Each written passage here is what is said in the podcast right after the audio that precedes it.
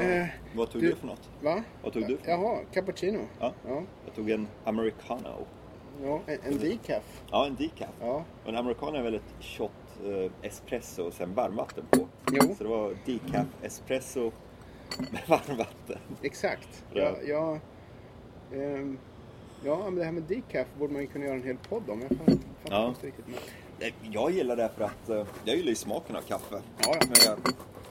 Lite så här senare på dagen efter lunch, då försöker jag hålla mig ifrån eh, ja, ifrån kaffein. Nej, koff, vad heter det på svenska? Koffein. Koffein, ja. Koffein. Det heter ju caffeine på, Ja. på engelska, men koffein försöker jag hålla mig ifrån. Jag tror att det där med decaf är väldigt amerikansk grej. Mm. Jag, jag tror liksom inte att, jag vet inte om det existerar ens. Kaffe, koffeinfritt kaffe, det är liksom för ett kaffeälskande folk som svenskarna är det liksom mod, mod, det, är liksom, det går inte ihop på något sätt. Nej. Ja, ja. Nej, jag kan tänka det. Det är ju... Men det är lite, ja, jag gillar den här kaffesmaken och det här var faktiskt väldigt smakrikt. ja, ja.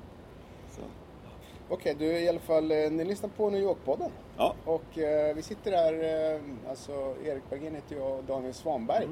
På, eh, ja vad fan är vi? Eh, stället heter Café Jacks Okej. och det ligger på Upper East Side Ja. på 84 gatan mellan eh, First och Second Avenue. Ja, ja.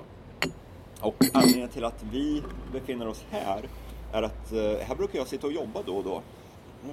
För eh, dagens ämne har vi bestämt att det ska vara att jobba i New York. Ja. Hur 17 är att jobba här i stan och här i landet också? Eh, precis. Och vi har ju lite en ganska rejäl bredd på våran erfarenhet av att jobba här. Ja, får man säga. Så vi ska väl försöka nysta lite det och komma fram till någon slags slutsats. Eller inte. Och så blir det bara tugg om, Ja. om arbete. Vi ja, får se. Vi får se. Ja. Men det är lite speciellt. Jag kan väl säga både, jag är ju, var ju eh, korrespondent för Svenskan här i drygt tre år och du har ju varit här mycket längre och Mm. både jobbat väl på ABC News och nu mera som liksom hemma, alltså du, du sitter ju hemma och på sådana här ställen och skriver böcker. Ja, att det är precis. lite olika förutsättningar som vi har haft, fast liknande också Mm. förresten. För att jag har ju inte heller haft något kontor att gå till så. Det har man ju inte som kåren numera. Tidningarna har ju, det, är väl, det finns väl de tidningar som har liksom redaktioner utomlands men det har ju inte svenska medier. Så vet jag vet inte särskilt många av dem i alla fall. Man sitter ju ofta hemma eller på kaféer och sådär Mm. och skriver. Liksom. Precis. Och vi kan nämna lite om eh, stället där vi befinner oss på nu, Café Jacks. Som du såg när vi klev in här, de, de, de har ju en övervåning som är alltså på gatuplan. Ja. Sen har de en enorm lokal i källaren som sedan leder ut till en liten utegård. Och det är ju här på utegården vi sitter nu trots att det faktiskt är lite duggregn. Ja. För vi vill inte sitta i källaren för där sitter folk djupt koncentrerade och jobbar och skriver och pluggar. Ja, Så om vi skulle sitta där och tjattra, det, då skulle det nog störa en massa människor. ja, förmodligen. Och här sitter vi dessutom under eh, fina värre, så här, eh, rosa Blommor. Blommor. Rosor. Ja. Nej, det är inte rosor. Det är ju någon sorts träd. Ja, Ja, jättetrevligt faktiskt, Ja. det ställe det här. det, det är väldigt bra ställe att jobba East, på. Ja. Och jag antar då, eftersom alla sitter med datorer inne, att, att det finns bra wifi. ja, precis. De har en eh, router på övervåningen och en på nedervåningen. Ja. Så det är stark wifi. Ja. Eh, Men eh, det, ja, förresten, eh, jag har undrat hur fasen sådana här ställen där folk sitter och jobbar går runt. För att Mm. man, man kommer in, beställer en kaffe, så sitter man där fyra timmar och beställer ingenting.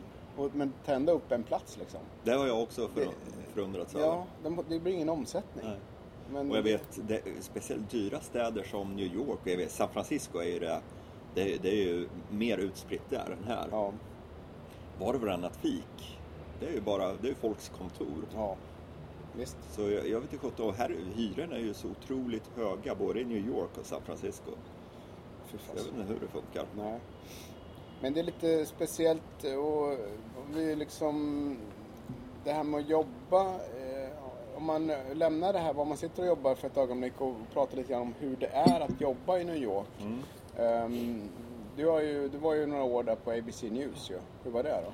Det, det är ju faktiskt en väldigt intressant inblick i den amerikanska corporate-världen. Och vi kan ju nämna det att en, som, som jag tror, rätt mig om jag har fel, men en väldig skillnad mellan USA och Sverige det är ju att det är en väldigt spetsig pyramid här. Mm. Det är lite så här konsensus, utan besluten kommer från toppen och de frågar inte folk under om, varken om råd eller vad de, ja, vad de tycker eller vilka förändringar som kan göras. Nej. Utan det här är det, ju högre upp du är på pyramiden, ju mer har du att säga till om. Ju lägre ner du är, ju mer är du bara en drönare som det. jobbar. Det, det har jag också fått en bild. Jag har, jag har aldrig jobbat i ett amerikanskt företag. Eh, men när vi eh, eh, flyttade hit då, 2013 så umgicks vi med lite andra svenskar. Och en, ett, ett par av dem var ju ganska högt uppsatta chefer i ett stort amerikanskt företag. Men de, eh, den berättelsen jag fick, eller som de sa i alla fall, det var ju att de även där, på, på hög nivå liksom, på motsvarande någon sorts VD-nivå i dotterbolag då, så, så var det ju exakt så det gick till. Liksom. Så att man har, om man inte är allra högsta chefen, då har man att rätta sig efter besluten och förmodligen inte ifrågasätta så mycket. Liksom. Och jag tror ju att det, att, att det är väldigt ovant för många svenskar liksom, att, att jobba på det sättet. Där vi ju är som du sa, de, vi, vi är mer, alla ska vara överens ungefär innan man går vidare och sådär. Liksom. Och, och det har väl, båda systemen har väl sina fördelar och nackdelar men jag tror att det är ovant för många. Ja, det tror jag också. En av fördelarna är det att saker och ting händer väldigt fort här. Det är liksom, beslut kan fattas ja, på en timme. Ja. Medan det i Sverige kanske tar lite längre tid. Det beror väl i och för sig på företaget där också. Ja, men är- man ska förhandla med facket. Mm. Det är liksom eh, MBL och sånt där som inte existerar. Fack existerar ju, men alltså det... Anställda längre ner har inte sagt mycket att säga till om. Nej, helt enkelt. det. Och det är väl... För företagen kan det vara positivt, men jag får också en känsla av... Och det vet jag inte, det är mer en känsla. Så att, att eh, det där sättet, när det är sådär pyramidstyrt som du sa, beslutet kommer uppifrån, så kan det ju bli så att det leder till medarbetare då som inte, man säger, uttrycker det slarvigt, men tänker särskilt mycket själva utan man bara agerar liksom. Exakt. Utan att fundera på om det är bra eller dåligt. Och, det ju, ja, det kan ju ha sina sidor liksom. Mm. Och eh, en annan sidoeffekt är att det inte tas vidare mycket initiativ ofta. Mm. Att om det är någon som är väldigt långt ner på pyramiden så, som jag sa tidigare, ja, det- är lite som, man, då är man en drönare. Mm. Att ja, man går till jobbet, jobbar och cashar sin paycheck. Men det, det, det, det är väl lite, vad heter det, så här, soul crushing, soul destroying. Lite så. Man har inte någon vidare någon motivation Nej. Det- längst ner. En annan grej som, som är väldigt typisk för New York, mer typisk för New York än någon annanstans i USA skulle jag vilja säga. Jag har jobbat både i San Francisco och Boston tidigare. Och eh, aldrig har jag jobbat så långa dagar som Nej. i New York. Nej. Här, är, här förväntas man ofta arbeta 10, 12, 14 timmars dagar Mm. utan någon extra ersättning väldigt ofta. Mm. Utan det är, det är sån kulturen är. Den är väldigt hård på något sätt. Att man förväntas jobba väldigt långa dagar och inte förväntar sig någon slags ersättning. Nej. Men det kommer ofta någon slags bonus ändå. Ofta vid årsslutet, någon sån julbonus som kan vara lite extra, lite glatt överraskande. Så man, man får någon slags belöning ändå. Men det är ofta inte värt om man har jobbat ett år varenda dag 10 till 12 timmar. Nej. Så är bonusen kanske ett par tusen dollar. Och då Ja. skulle du, om du har fått timlön då skulle du ha tjänat bra mycket mer än Ja, de här ver- 2000 verkligen. dollarna. Den faktorn, eh, den, den har ju utrikeskorrespondenter den, det är alltså gemensamt alltså det med, Mm. med de som, då som jobbar i New York. För där jobbar man ju, man kan egentligen jobba hur mycket som helst. Och 12 timmar är ju väldigt vanligt.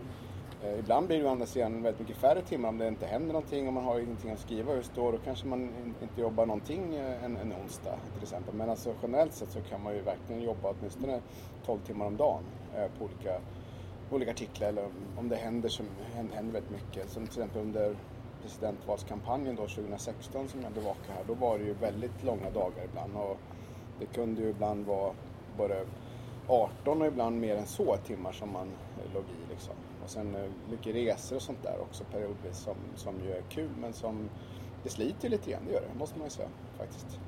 Men sen är det ju också, och det är väl eh, eh, gemensamt med korrejobbet eh, och, och som du har nu, att man har ju ingen arbetsplats att gå till Nej. ofta. Utan man sitter ju på fik och man sitter ju på, på hemmet i kammaren liksom och, och jobbar. Och eh, i vissa fall, i mitt fall var det ofta kanske att man var på FN om det, om det var så att Sverige, ja, statsministern var här och skulle ha ett anförande. Då var man där och bevakade det och sen satt man där och skrev och sen stack man hem och så vidare. Eller någon presskonferens ibland. Mm. Men det är ofta att man sitter på café och sånt där. Och, och, eller, eller hemma som sagt. Det, det har ju lite, det har både, jag tycker det har positiva och negativa sidor. En positiv sida är att man får ju styra tiden väldigt mycket själv. Man kan liksom välja var man ska ha sin arbetsplats just den dagen. Det negativa är ju, eh, jag menar en viss del av en är ju ändå lite social. Det är kul med kollegor liksom. Men det har man ju inte då. Det- ehm, på det sättet. Nej, det, det ser jag faktiskt som ett positivt. För Okej. väldigt ofta här i landet så är eh, folk är väldigt oprofessionella. Jaha. Det svärs väldigt mycket. Det är väldigt mycket så här finger pointing. Och nå- något har gått fel. Det är liksom, Backstabbing. Va, varför gjorde du så här? Va, varför blev det så här? Förklara det nu. Mm. Det är väldigt sällan en, eh, ett problem diskuteras. Mhm. Utan det, det kanske är tv-världen som är lite, lite extrem på det sättet. Men det är liksom, jag har sett folk sparka, sparka på soptunnor tvärs över kontoret och Oj. bara stå och skrika och kasta papper runt omkring sig. Så. Och det här, nu snackar vi liksom människor som är högt uppsatta liksom inom tv-branschen. Det är, Känns det barnsligt? det, det är otroligt barnsligt. Det är på, på gränsen till psykopatiskt också. Det, det kan vara första gången jag erfor det. det. Det var ju för sig i San Francisco, men det, då jobbade jag i reklambranschen. Men det var, det var riktigt jävla obehagligt. Ja. Och det, jag har faktiskt skrivit en del om det i eh, Gruvdamen, den är min senaste roman. Just det. Där, för där jobbar ju huvudkaraktären inom tv-branschen. Mm. Så jag har försökt, försökt väva in lite hur, hur det kan vara att jobba där. Ja. Så det, det har jag försökt skriva lite om i den och eh, jag har en, en framtida bok också som, som har bara i planeringsstadiet som kommer är också att ta upp lite, de lite mer extrema sidorna av eh, att jobba Ja, här i spännande. USA. Ja. Så det, men det, det, det är väl en av de större de stora grejerna som jag ogillar med Men du, det verkar som du saknar inte att gå till ABC News. eh, Nej. Nej. Det gör jag inte. Det, nej, det är så otroligt mycket skönare att eh, jobba hemifrån. Mm. Jag har ju mitt lilla kontor på, i lägenheten, ett hemmakontor. Sen går jag hit ja, någon gång i veckan kanske, ofta på tisdagar för då kommer en städtant. Ja. Då försöker jag hålla mig därifrån. Är det fint väder, jag till en park och sätter mig Ja. antingen Central Park eller längs East River där. Mm.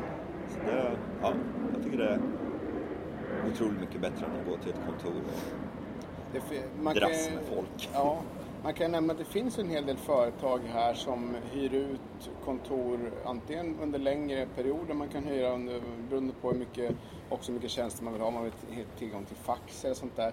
Men också hyr ut ehm, eh, över dagen liksom. Mm. Ehm, och och man, det där, är- det, det tror jag, det kommer ju till, det har, om det inte redan har kommit, det, det kommer ju även till, till ställen som Stockholm och alla andra ställen. Men det här har du ju, det är en ganska stor bransch, men det är flera olika, en del har ju appar så du kan boka kontorsplats på en, på en app. Liksom. Mm. Grejen är, jag tittar på det där ganska mycket, det är ganska dyrt tycker jag. Och jag tycker ofta inte att man får eh, valuta för, för det. Utan jag har gjort som du, eh, antingen suttit hemma eller på olika kaféer och sånt där. Och, och, eh, då jag, ja, fram till hö- hösten 2016 bodde jag i Stuyvesant Town och eh, där var det ett café, det är en väldigt fin park där inne som inte så Mm. många känner till.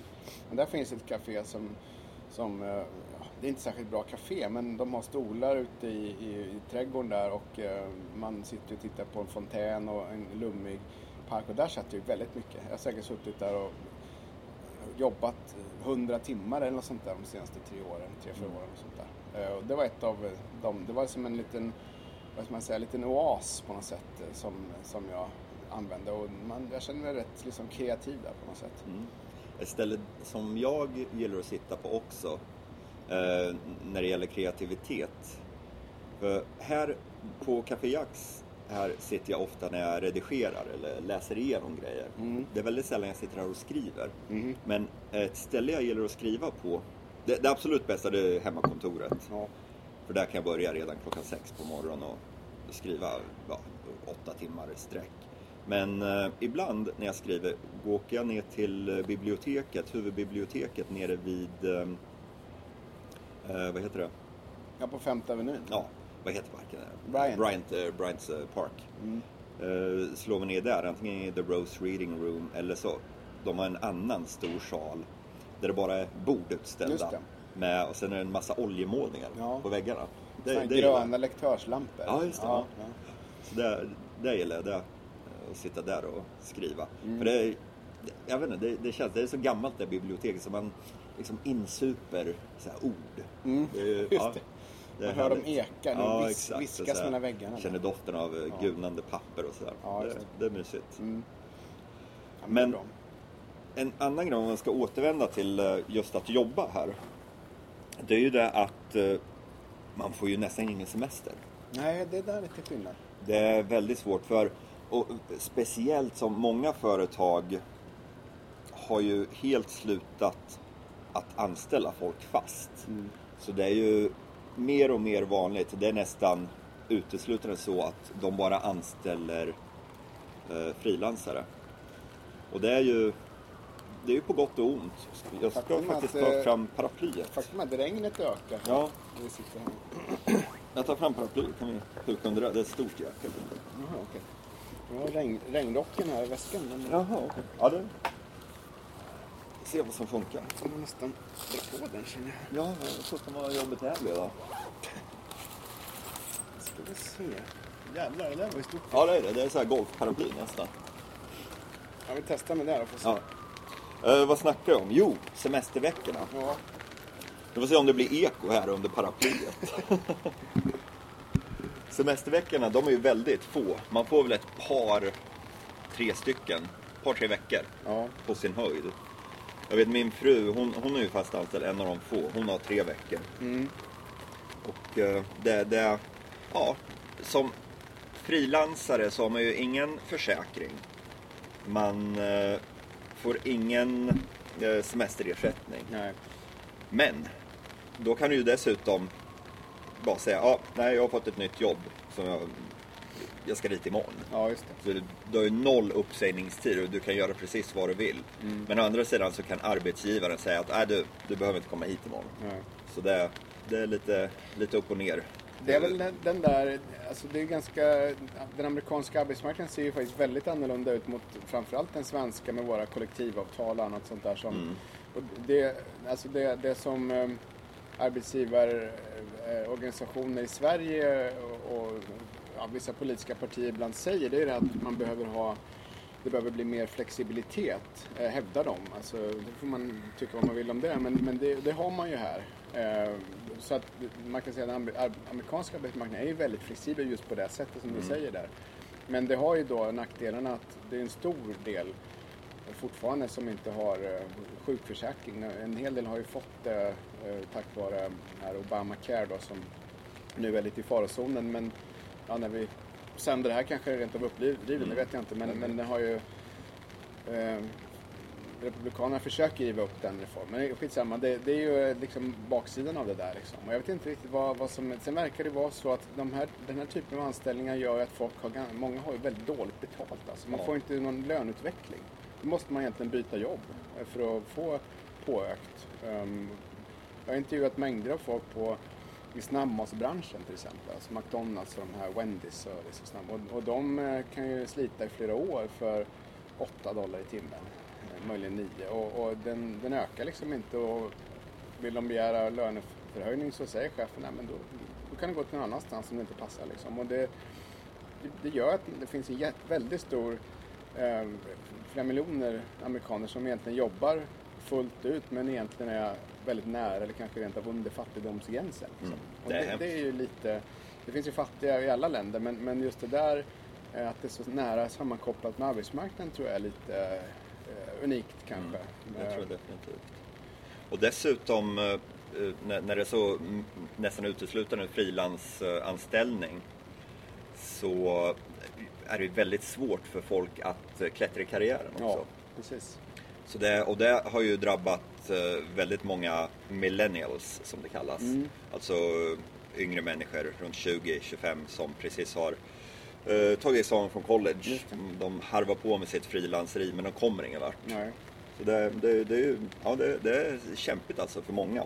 Väldigt kämpigt. Ja, en sak om, är om man väljer frilanslivet, men Mm. om man tvingas in i det så är det ju inte så kul. Nej. Eh, Så det är ju lite ett problem. Där.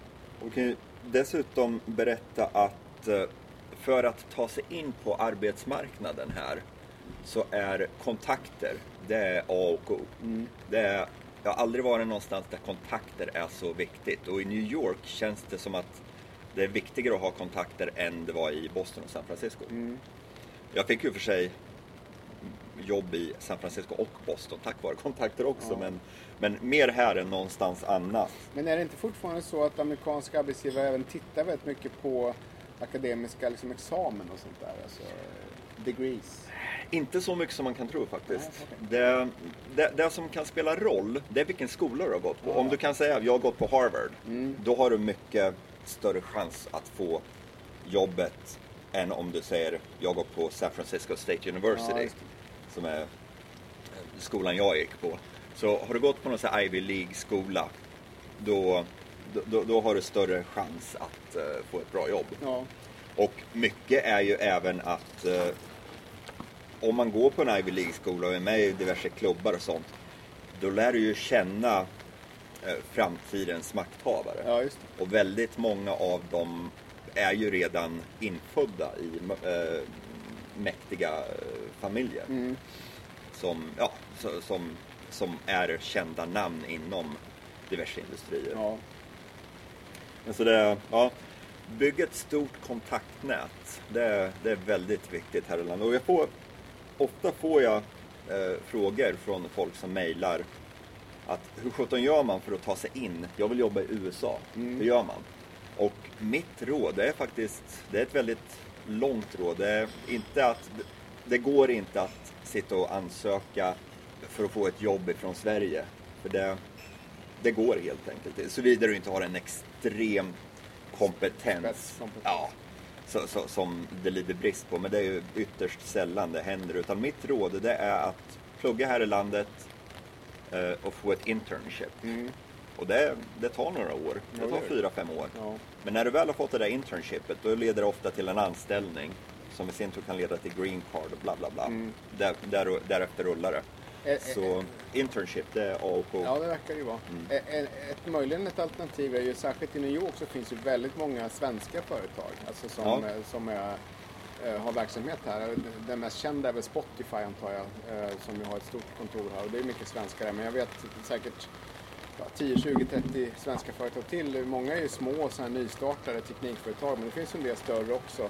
Och där kan man ju tack vare att man då kan svenska ha en Mm. fördel. Och, eh, om man då får den arbetsgivaren att sponsra ett eh, alltså, man måste ha arbetstillstånd vilket är normalt sett ganska krångligt att få här men eh, det sättet om man går via ett svenskt företag då, då kan det ju gå lättare för då är det svårt för USA så att säga att hävda att du inte behövs här. Det, en amerikan kan ju normalt inte svenska. Nej precis, och det, språk- det blir ju då spetskompetensen. Ja, precis ja. Och, men då, är det då, en, så får man ju då jobba där några år sen så i så fall gå vidare till, till ett amerikanskt företag om man nu vill det sen då. Men, men det är en, ett sätt. Ett annat sätt som jag vet många eh, man har träffat på som pluggar på amerikanska universitet, kanske Columbia här i, i stan. När de har tagit examen där så får man ju ofta ett års eh, arbetstillstånd efter det. Sen. Så då har man ett år på sig att bygga något kontaktnät och göra sig eh, nyttig så att säga och, och då få en, få en, en väg in där. Men annars är USA väldigt hårt med det här med arbetstillstånd. Det är ju Det är det. det är knepigt att få det. Det är jäkligt knepigt. Jag tror det är lättare i Kanada till exempel. Ja, Jag har hört talas om att många som kommer in den vägen och jobbar i Kanada och sen på något sätt slidar över gränsen söderut och kommer in den vägen. Ja. Men det, det är lite... Ja, det kan ju funka men också inte. Så att det är svårt att säga. Ja, hur ligger vi till Ja. Har vi spelat in en hel podd Jag, nu eller? jag tror faktiskt att Ja, vi 25 ligger på minuter. 24, för 25 minuter. Och det börjar ösregna Ja. så att inte... Vi kanske ska eh, konkludera det där ämnet eh, och, och säga att vi är eh, nöjda för den här veckan. Ja, vi gör det. Ja. Och vi hörs igen om två veckor. Jajamän. Ha det bra. Förhoppningsvis utan regn. Ja. Hej då. Hej hej. Jävlar, vad hände Ja, det var började ösa nu. fiasko? Du kan ju ta bilden under paraplyet. Ja, får jag det.